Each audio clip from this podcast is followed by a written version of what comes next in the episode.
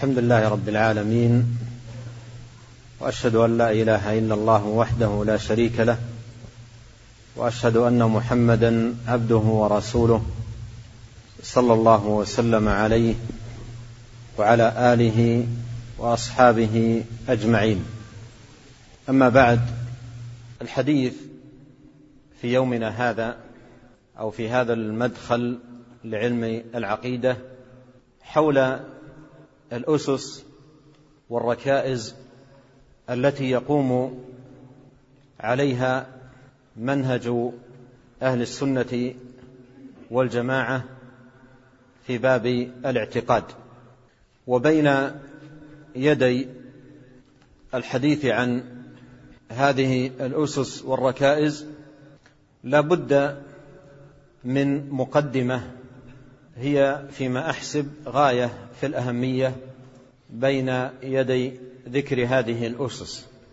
ألا وهي أن الاعتقاد الحق الذي تكون به نجاة العبد وفلاحه وصلاح أمره وحسن مآله يوم يلقى ربه سبحانه وتعالى هو الاعتقاد الذي نزل به وحي من الله عز وجل. وإنه لتنزيل رب العالمين. نزل به الروح الأمين على قلبك لتكون من المنذرين بلسان عربي مبين. فالاعتقاد الحق هو الذي نزل به وحي من الله. وما عند الناس من عقائد لا مستند لها من الوحي وليس عليها سلطان نازل من الله جل وعلا فهي عقائد باطلة. ولهذا يمكن أن تقسم العقائد إلى قسمين. عقائد نازلة وعقائد نابتة. والعقائد النازلة هي التي عليها وحي ونزل بتقريرها وحي من الله سبحانه وتعالى وقامت عليها الحجج والبراهين. والعقائد النابتة هي التي نشأت في الأرض واخترعها الناس وهي عقائد متنوعة. ومتضاربة وكثيرة جدا. وسبب كثرتها وتنوعها وتضاربها تنوع مصادرها وتباين منابعها فمنها عقائد قامت على العقول المجردة وعقائد قامت على الآراء وعقائد قامت على الأذواق وعقائد قامت على المنامات والحكايات. إلى آخر ذلك وهي كثيرة جدا وكل عقيدة لم ينزل بها وحي من الله فهي عقيدة نابتة وكل عقيدة نابتة فهي عقيدة باطلة. والأنبياء عليهم صلوات الله وسلامه عندما جابه أقوامهم وردوا باطلهم ودحضوا زيف ما هم عليه وبينوا ضلال ما يعتقدون سلكوا فيما سلكوه في تقرير هذا الأمر هذا المسلك وهو بيان أن تلك العقائد لم ينزل بها وحي ولم يقم عليها سلطان وترى هذا في آيات عديدة في القرآن منها على سبيل المثال قول الله تبارك وتعالى في سورة يوسف في دعوته لصاحبي السجن. قال يا صاحبي السجن أأرباب متفرقون خير أم الله الواحد القهار؟ ما تعبدون من دونه إلا أسماء سميتموها أنتم وآباؤكم ما أنزل الله بها من سلطان. وهذا موضع الشاهد. قول يوسف عليه السلام لهم ما أنزل الله بها من سلطان. فأي عقيدة لم ينزل بها سلطان أي حجة وبرهان من الله بوحي نازل من رب العالمين فهي عقيدة باطلة. ما أنزل الله بها من سلطان إن الحكم إلا لله. أمر ألا تعبدوا إلا إياه. ذلك الدين القيم ولكن أكثر الناس لا يعلمون. ولهذا الدين لله. كما قال الله سبحانه وتعالى ألا لله الدين الخالص. الدين لله من جهة أنه هو الذي يشرع من الدين ما شاء أم لهم شركاء شرعوا لهم من الدين ما لم يأذن به الله؟ فالدين لله من جهة أن أنه سبحانه وتعالى يشرع من الدين ما شاء والدين لله من جهة أنه لا يتقرب بشيء من الدين إلا لله سبحانه وتعالى فالدين لله ليس لغيره. ولهذا كل عقيدة أو كل دين لم ينزل به وحي من الله تبارك وتعالى فهو دين باطل وعقيدة باطلة. ولهذا قال لهما يوسف عليه السلام ما أنزل الله بها من سلطان. والسلطان هو الحجة. والحجة سميت سلطانا لأن لها سلطة على القلوب. وقوة وهيبة وتأثير. ونظير هذه الآية قول الله سبحانه وتعالى في سورة النجم أفرأيتم اللات والعزى ومناة الثالثة الأخرى ألكم الذكر وله الأنثى. تلك إذا قسمة ضيزى. إن هي إلا أسماء سميتموها أنتم وآباؤكم ما أنزل الله بها من سلطان. ولهذا نظائر في كتاب الله سبحانه وتعالى. الشاهد أن العقيدة الصحيحة لا بد أن تكون قائمة على سلطان وحجة وبرهان بوحي نازل من رب العالمين. ولهذه العقيدة أمارة بينة وعلامة واضحة وضوح الشمس ألا وهي أن صاحبها يقول أعتقد كذا لقول الله تعالى كذا. وأعتقد كذا لقول رسول الله صلى الله عليه وسلم كذا. هذه عقيدة قامت على وحي نازل وهي طريقة السلف الصالح أهل السنة والجماعة رحمهم الله في تقرير المعتقد. يذكرون العقيدة مقرونة بدليلها. والوحي النازل بها. من كتاب أو سنة لأن السنة وحي نازل. كما قال الله تعالى وما ينطق عن الهوى إن هو إلا وحي يوحى فهذه أمارتها هذه أمارتها وهي علامة واضحة. ولهذا لا تلتبس كتب العقيدة للسلف بكتب غيرهم من أهل الأهواء. لأن أهل الأهواء يبنون عقائدهم على أمور وأمور مختلفة. منهم من يبني على العقل ومنهم من يبني على الرأي ومنهم من يبني على الذوق ومنهم ومنهم إلى غير ذلك. ولهذا قد ترى في بعض كتب العقائد يقرر عقيدة ثم إذا أراد أن يستدل لها استدل بالعقل المجرد. وبالجدل وبقوله بما أنه كذا إذا يكون كذا ولو كان كذا لكان كذا إلى غير ذلك. أما العقيدة الصحيحة التي عليها وحي نزل بها صاحبها لا يزيد على أن يقول أعتقد كذا لقول الله تعالى كذا. وأعتقد كذا لقول رسول الله صلى الله عليه وسلم كذا. ولهذا قيل الدين قال الله قال رسوله. الدين قال الله قال رسوله. ومن جميل ما يذكر في هذا المقام أن شيخ الإسلام ابن تيمية رحمه الله تعالى كما جاء في مجموع فتاواه في المجلد الثالث لما طلب منه أن يكتب متنا في الاعتقاد. ذكر في سياق ذلك كلاما عظيما قال الاعتقاد ليس لي ولا لمن هو أكبر مني. قال الاعتقاد ليس لي ولا لمن هو أكبر مني أي من العلماء. الاعتقاد لله. الاعتقاد هو ما قاله الله. وقاله رسوله صلى الله عليه وسلم الاعتقاد ما جاء في القرآن وما جاء في صحيح البخاري وما جاء في صحيح مسلم وما جاء في السنن ومسند الإمام أحمد فالاعتقاد الصحيح هو الذي قام عليه الدليل ودل عليه الوحي من رب العالمين.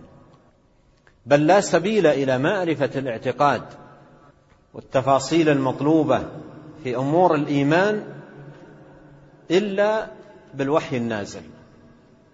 ويكفي في هذا ما جاء في أواخر سورة الشورى حيث قال الله سبحانه وتعالى وكذلك أوحينا إليك روحا من أمرنا ما كنت تدري ما الكتاب ولا الإيمان. هكذا قال الله لنبيه عليه الصلاة والسلام. قال ما كنت تدري ما الكتاب ولا الإيمان ولكن جعلناه أي الوحي نورا نهدي به من نشاء من عبادنا. فالوحي نور يهدي به الله سبحانه وتعالى من شاء من عباده. فيعرف الاعتقاد الحق ويحيا الحياة الطيبة بالإيمان وطاعة الرحمن.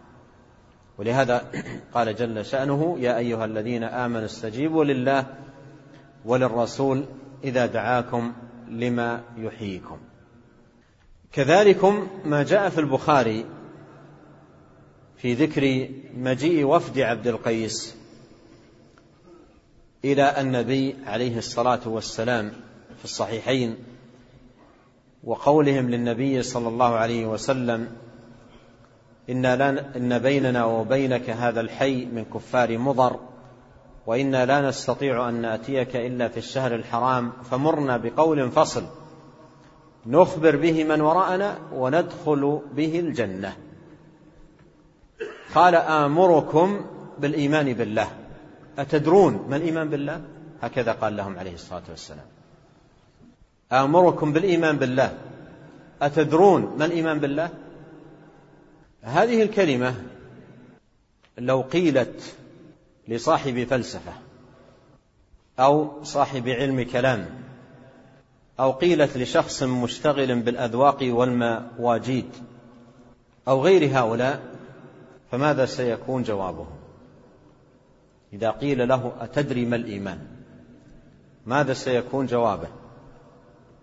أجيبوا كل من هؤلاء سيتكلف في الإجابة على هذا السؤال بحسب ما تمليه عليه توجهاته ذوقا أو رأيا أو عقلا أو منطقا أو إلى آخره.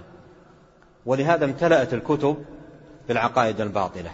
ذاك يذكر اعتقادا يبنيه على رأي وآخر يذكر اعتقادا يبنيه على ذوق وثالث يذكر اعتقادا يبنيه على شيء رآه في المنام إلى غير ذلك. أمور كثيرة جدا ملئت بها كتب الضلال. لكن هؤلاء القوم المباركين لما قال لهم النبي عليه الصلاة والسلام أتدرون ما الإيمان؟ قالوا الله ورسوله أعلم. ماذا تستفيد من قولهم الله ورسوله أعلم أن القوم يدركون أن الإيمان وحي. لا سبيل إلى العلم به من خلال رأي أو عقل أو ذوق أو دراية باللغة أو نحو ذلك. لا سبيل إلى العلم به إلا بالوحي. قالوا الله ورسوله أعلم. وكانوا أهل لسان عربي يعرفون معنى الإيمان من حيث اللغة ولا ينقصهم ذكاء. ليتحدثوا مثل ما يتحدث غيرهم من المتكلفين. لكن الله حماهم ووقاهم وهداهم وبصرهم ووفقهم للزوم الوحي والتقيد بما جاء به. قالوا الله ورسوله أعلم. ففسر لهم النبي عليه الصلاة والسلام الإيمان بالله وشرحه في الحديث بأن ذكر لهم أعمال الدين الظاهرة. كما أنه في حديث جبريل فسر الإيمان بعقائد الدين الباطنة أن تؤمن بالله وملائكته إلى آخره. فالإيمان ومعرفته والعقائد وتفاصيلها هذه لا سبيل إلى العلم بها إلا بالوحي. لا سبيل إلى العلم بها إلا بوحي نازل من الله سبحانه وتعالى رب العالمين. فالدين لله.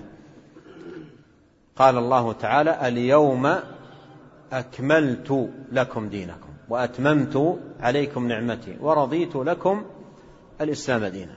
قال تعالى ومن يبتغي غير الإسلام دينا فلن يقبل منه وهو في الآخرة من الخاسرين. قال تعالى إن الدين عند الله الإسلام. والآيات في هذا المعنى عديدة.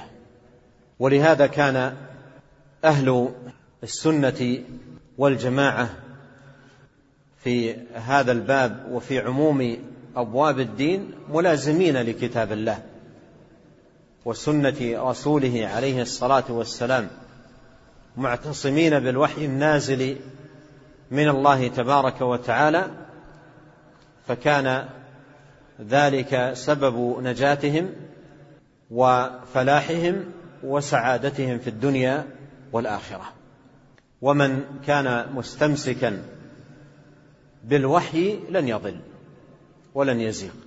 كما قال عليه الصلاة والسلام تركت فيكم ما إن تمسكتم به لن تضلوا كتاب الله وسنتي.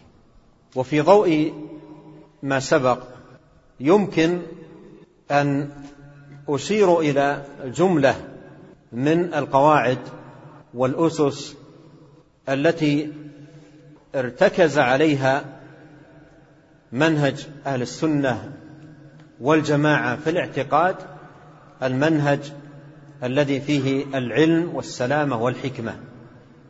فمن هذه الأسس العظيمة في هذا الباب اعتقادهم أن الرسول صلى الله عليه وسلم بين الدين كله أصوله وفروعه.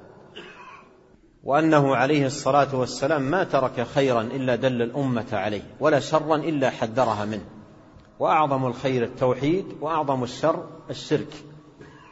وهكذا الشأن في جميع الأنبياء. كما جاء في صحيح مسلم عنه عليه الصلاة والسلام أنه قال ما بعث الله من نبي إلا كان حقا عليه أن يدل أمته إلى خير ما يعلمه لهم وأن ينذرهم من شر ما يعلمه لهم.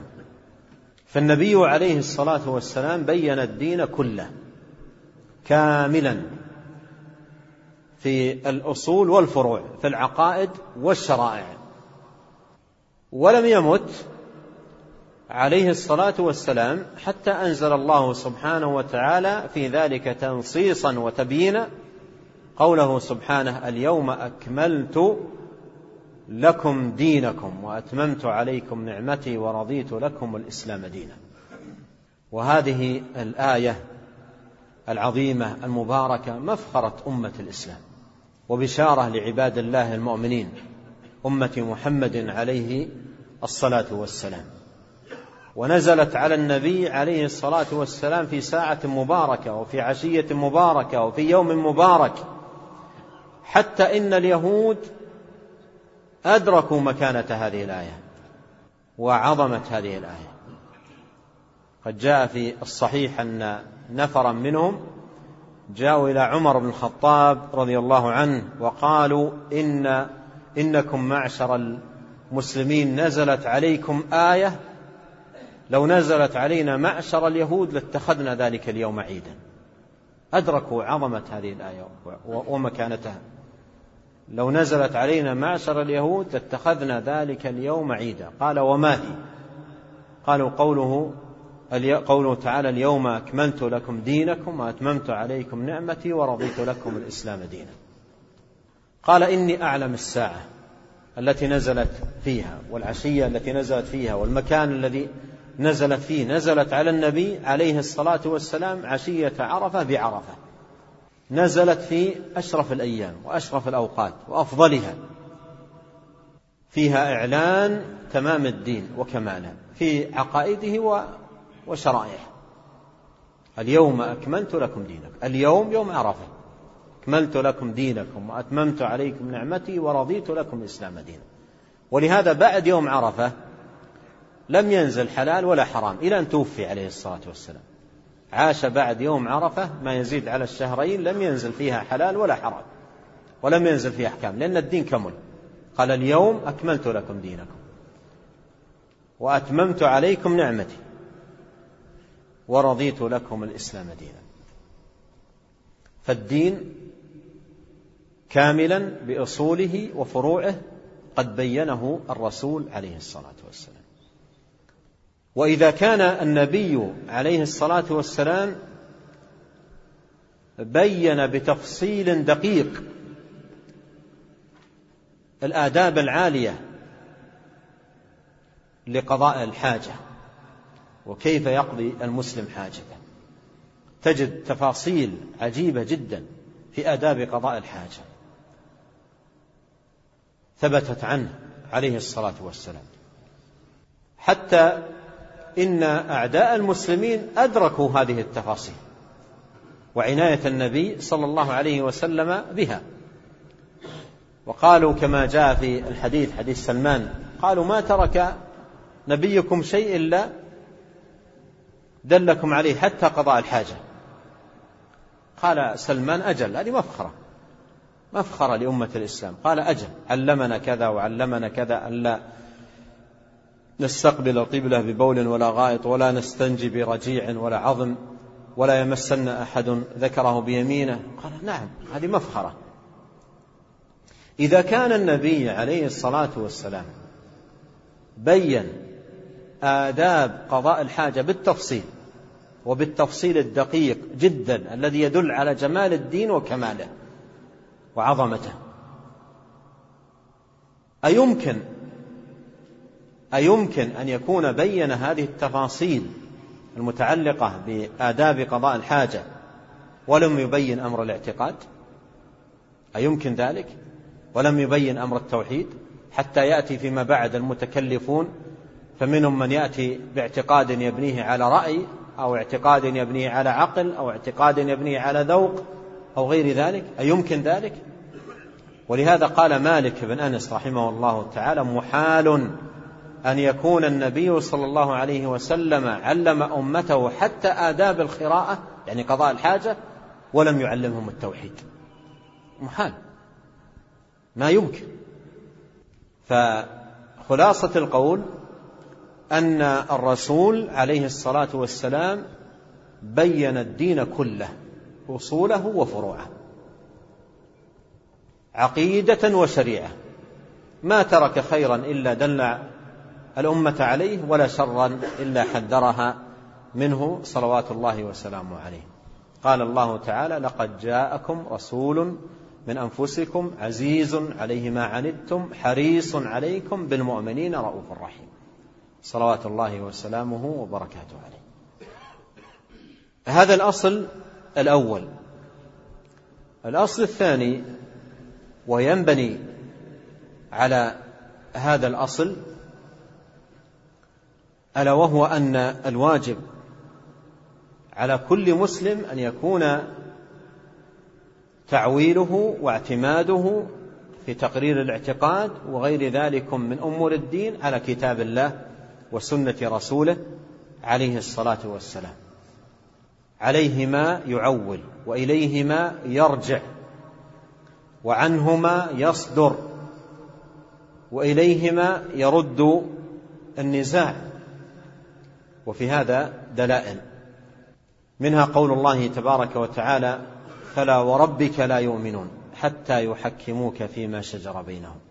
ثم لا يجدوا في أنفسهم حرجا مما قضيت ويسلموا تسليما. قال تعالى وما كان لمؤمن ولا مؤمنة إذا قضى الله ورسوله أمرا أن يكون لهم الخيرة من أمرهم. وقال تعالى يا أيها الذين آمنوا أطيعوا الله وأطيعوا الرسول وأولي الأمر منكم. فإن تنازعتم في شيء فردوه إلى الله والرسول. ذلك خير وأحسن تأويلا والرد إلى الله هو الرد إلى كتابه. والرد إلى الرسول صلى الله عليه وسلم هو الرد إلى سنته. ومن لم يسلك هذا المسلك وينهج هذا المنهج في تقريره للمعتقد ضل سواء السبيل. ولهذا قال عليه الصلاة والسلام تركت فيكم ما إن تمسكتم به لن تضلوا كتاب الله وسنتي. وكان شيخ الإسلام ابن تيمية رحمه الله تعالى كثيرا ما يقول من فارق الدليل ضل السبيل. من فارق الدليل ضل السبيل. ولا دليل إلا بما جاء به الرسول. كلمة عظيمة جدا. قال من فارق الدليل ضل السبيل. ولا دليل إلا بما جاء به الرسول عليه الصلاة والسلام. أي أن القائل إذا قال قولا بلا دليل يكون ضالا عن السبيل الصراط المستقيم.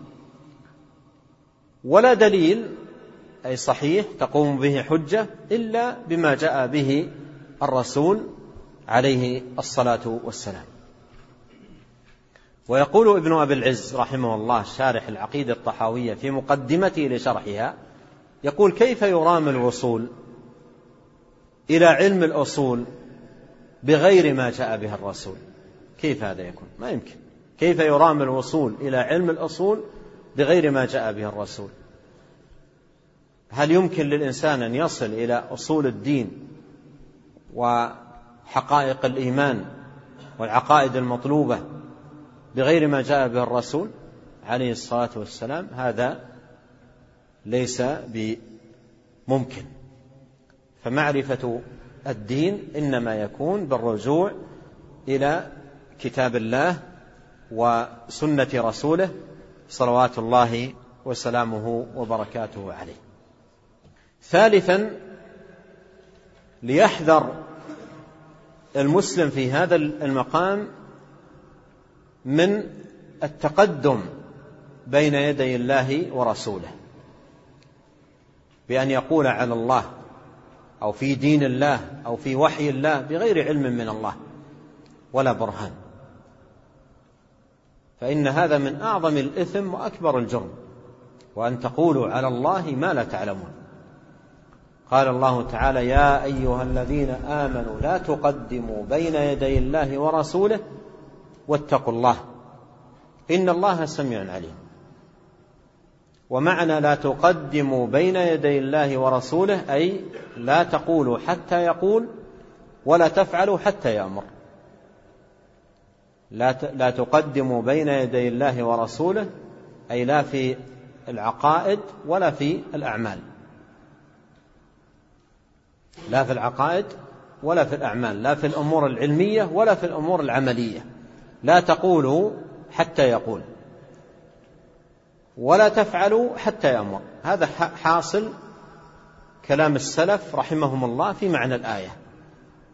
لا تقولوا حتى يقول أي لا تقولوا في شيء من الأمور العلمية حتى يقول الله ويقول رسوله عليه الصلاة والسلام. ولا تفعلوا أي شيء من الأعمال والعبادات حتى يأمر يأتي الأمر بذلك من الله أو من الرسول الكريم عليه الصلاة والسلام. وفي هذا أيضا يقول الله سبحانه وتعالى ولا تقف ما ليس لك به علم.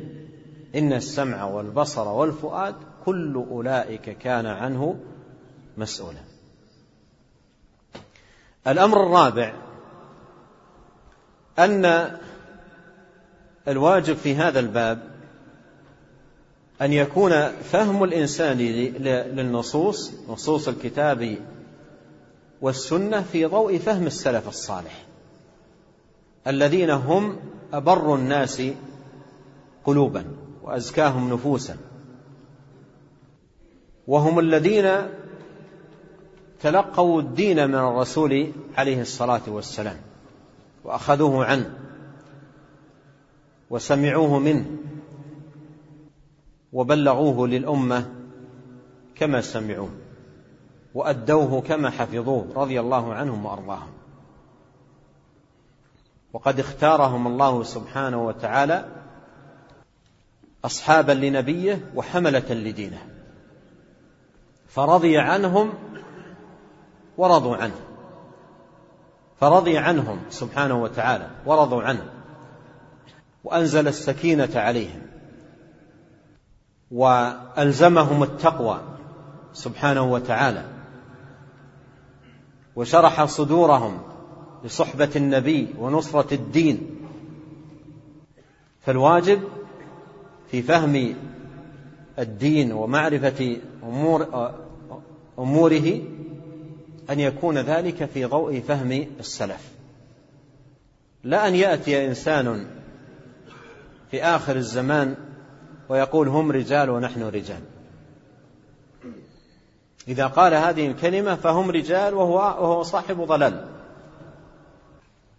ولهذا قال الله سبحانه وتعالى ومن يشاقق الرسول من بعد ما تبين له الهدى ويتبع غير سبيل المؤمنين نوله ما تولى ونصله جهنم وساءت مصيرا ويقول سبحانه وتعالى والسابقون الأولون من المهاجرين والأنصار والذين والذين اتبعوهم بإحسان. والذين اتبعوهم بإحسان. هذا هو المطلوب. أن يتبع سبيل السابقين الأولين من المهاجرين والأنصار بإحسان. فينهج نهجهم وينزم غرزهم ويسلك سبيلهم. وكلما كان العبد إلى نهجهم وسبيلهم أقرب كان إلى الحق أقرب. ولهذا جاء في الحديث عن نبينا عليه الصلاة والسلام أنه قال خير الناس قرني ثم الذين يلونهم ثم الذين يلونهم. الأمر الخامس أن الواجب على من أكرمه الله سبحانه وتعالى بهذه المعرفة أن يستقيم عليها. علما واعتقادا وعملا. أن يستقيم على ما أكرمه الله سبحانه وتعالى بمعرفته والعلم به واعتقاده والإيمان به إلى أن يتوفاه الله سبحانه وتعالى وهو عنه راض. والله عز وجل يقول فاستقم كما أمرت. فاستقم كما أمرت. الاستقامة تكون كما جاء عن الله في وحيه وتنزيله سبحانه. ويقول سبحانه وتعالى إن الذين قالوا ربنا الله ثم استقاموا فلا خوف عليهم ولا هم يحزنون. ويقول إن الذين قالوا ربنا الله ثم استقاموا تتنزل عليهم الملائكة ألا تخافوا ولا تحزنوا وأبشروا بالجنة التي كنتم توعدون. فهذه الاستقامة مطلوبة من العبد. هذه الاستقامة مطلوبة من العبد بأن يجاهد نفسه على الثبات على الاعتقاد الصح الصحيح والأعمال الزاكية والطاعات المقربة إلى الله سبحانه وتعالى إلى أن إلى أن يتوفاه الله. واعبد ربك حتى يأتيك اليقين. قال جل شأنه يا أيها الذين آمنوا اتقوا الله حق تقاته ولا تموتن إلا وأنتم مسلمون. ومن الدعوات العظيمة في هذا الباب ما جاء عن أبي الدرداء رضي الله عنه. وقد رواه ابن أبي شيبة في كتابه الإيمان وكذلك في كتابه المصنف أنه رضي الله عنه كان يقول في دعائه اللهم إني أسألك إيمانا دائما وعلما نافعا وهديا قيما. قال معاوية بن قرة راوي هذا الأثر أو هذا الدعاء عن أبي الدرداء قال فإن من الإيمان ما ليس بدائم وإن من العلم ما ليس بنافع. وإن من الهدي ما ليس بقيم. مما يتطلب من المسلم أن يحسن اللجوء إلى الله سبحانه وتعالى أن يمن عليه بالإيمان الدائم والعلم النافع والهدي القيم. ويتبع الدعاء ببذل الأسباب كما قال عليه الصلاة والسلام احرص على ما ينفعك واستعن بالله. الأمر السادس الدعوة إلى هذا الخير الذي وفقه الله سبحانه وتعالى للعلم به والعمل. ولا بد من الدعوة. وإلا فإن الإنسان يكون خاسرا. قد قال الله سبحانه وتعالى والعصر إن الإنسان لفي خسر إلا الذين آمنوا وعملوا الصالحات وتواصوا بالحق وتواصوا بالصبر. لا بد من العناية بهذه الدعوة. اولا حفاظا على المكتسبات التي عند العبد مما من الله سبحانه وتعالى عليه بها.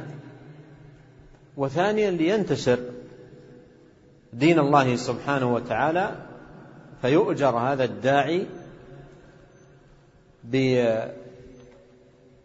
بحسب ما يسره الله سبحانه وتعالى له من دعوة وما من الله عليه به من إبلاغ لدين الله. وفي الحديث لأن يهدي الله بك رجلا واحدا خير لك من حمر النعم.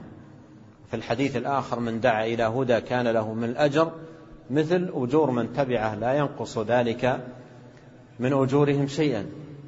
وقوله عليه الصلاة والسلام الدال على الخير كفاعله. والأحاديث في هذا الباب عن الرسول الكريم صلوات الله وسلامه عليه كثيرة. ونكتفي يومنا هذا بهذا القدر ونسأل الله عز وجل أن يتقبل منا ومنكم صالح الأعمال وأن يغفر لنا ذنبنا كله دقه وجله, وجله أوله وآخره سره وعلنه وأن يغفر لنا ولوالدينا ولمشايخنا والمسلمين والمسلمات والمؤمنين والمؤمنات الأحياء منهم والأموات. إنه تبارك وتعالى غفور رحيم. والله أعلم. وصلى الله وسلم على عبده ورسوله نبينا محمد. قوله صلى الله عليه وسلم لا تجتمع أمتي على ضلالة.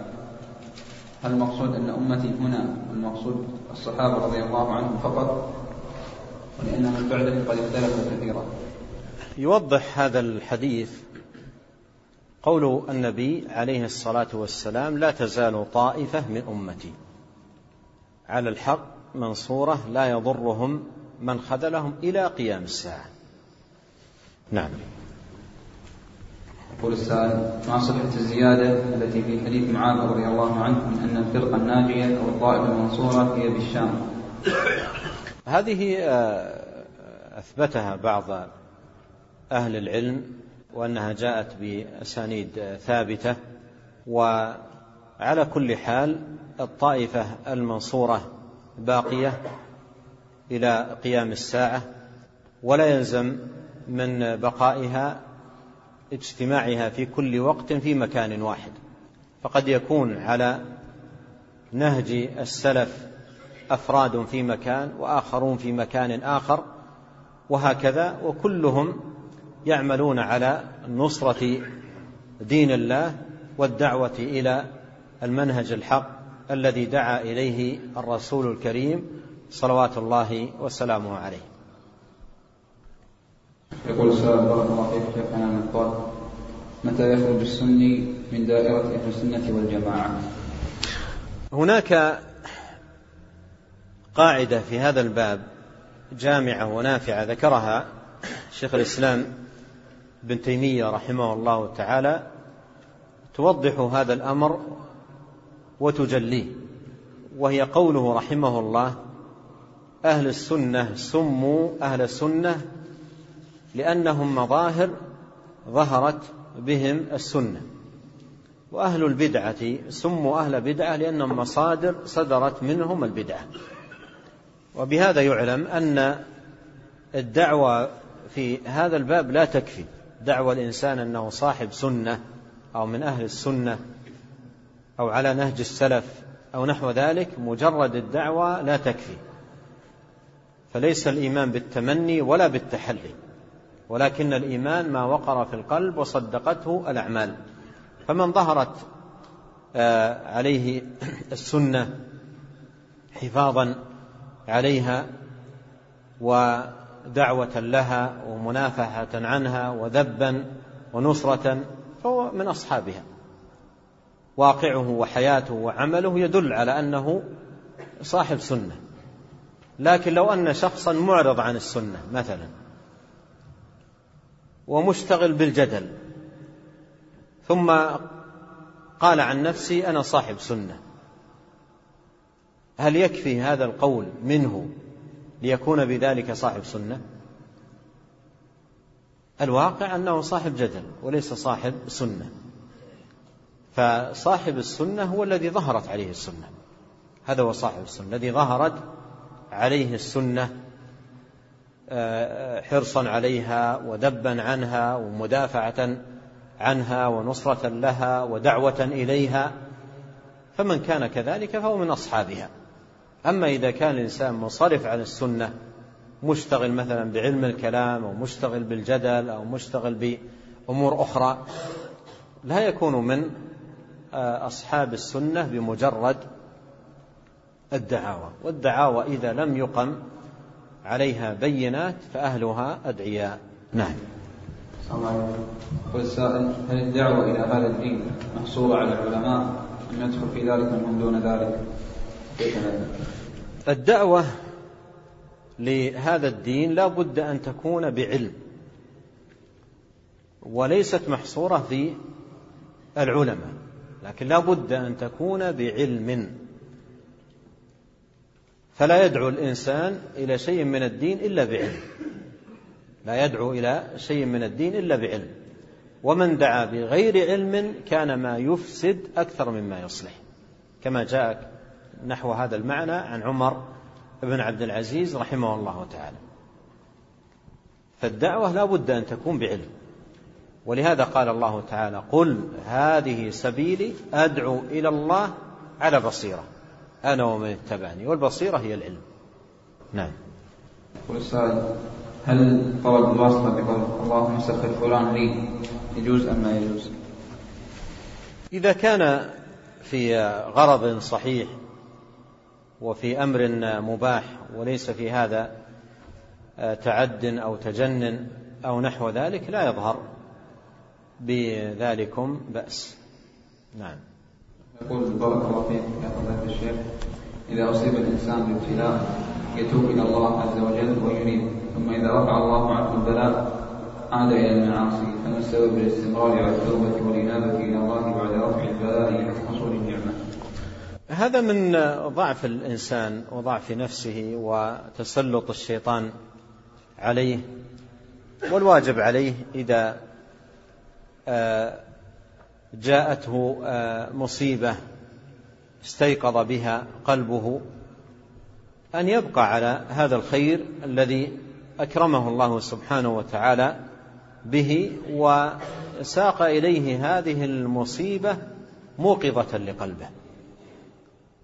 وكثير من الناس يكون غافلا في خضم النعم وتوالي المنن والعطايا فإذا أصيب بمصيبة آه، أيقظته ونبهته.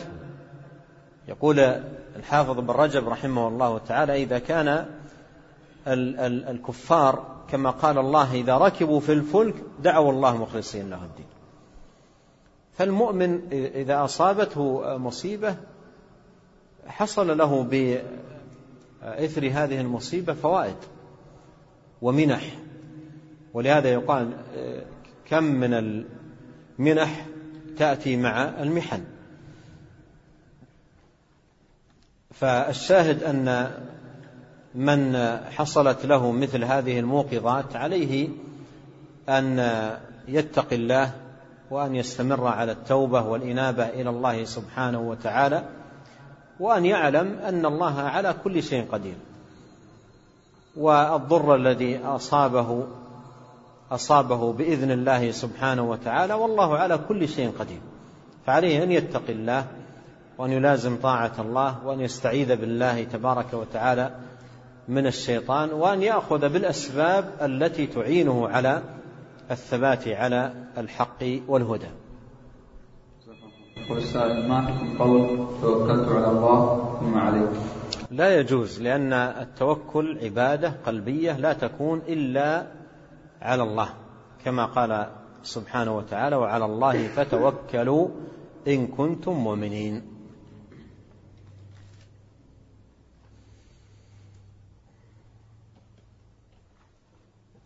يقول السائل السلام عليكم ورحمة الله وبركاته. كان الشيخ بن باز رحمه الله أثناء تناوله الطعام. يذكر الله. وكذلك في برنامج نور على الدرب أثناء قريب قدم البرنامج يكون الشيخ لسانه يلهث بذكر الله عز وجل. هل يجوز اتخاذ هذا هديا دائما أثناء تناول الطعام واثناء حضور الدرس؟ يكون ذاكرا لله عز وجل. جزاكم الله خيرا. النبي صلى الله عليه وسلم كان يذكر الله في كل احاينه والله عز وجل يقول إن في خلق السماوات والأرض واختلاف الليل والنهار لآيات لأولي الألباب الذين يذكرون الله قياما وقعودا وعلى جنوبهم. فذكر الله سبحانه وتعالى مطلوب في كل وقت وعلى كل حال. وأن يحرص المسلم على الإكثار من ذكر الله سبحانه وتعالى. لكن لا يتكلف امرا يتخذه مثلا سنة. بعض الناس يأتي بهذا تكلفا. ومنهم من كثر ذكره لله سبحانه وتعالى ولكثرته تخلل طعامه أو شرابه أو حديثه أو نحو ذلك. لا يأتي تصنعا أو تكلفا. وهو الذي نحسب الشيخ رحمه الله تعالى عليه. أما أن يتكلف الإنسان ويقول مثلا من السنة أنه بين كل لقمة ولقمة تكبيرة أو تحميدة أو تهليلة أو نحو ذلك هذا لا أصل له. لا لا أصل له. أما أن يأتي هكذا إنسان كثر ذكره لله ومواظبته على ذكر الله ولسانه لم يزل رطبا من ذكر الله سبحانه وتعالى فيكون في أثناء طعامه أو حديثه أو غير ذلك يأتي على لسانه آه، الذكر فهذا لا حرج لا حرج فيه بل هو من علامات الخير ودلائل التوفيق والله أعلم.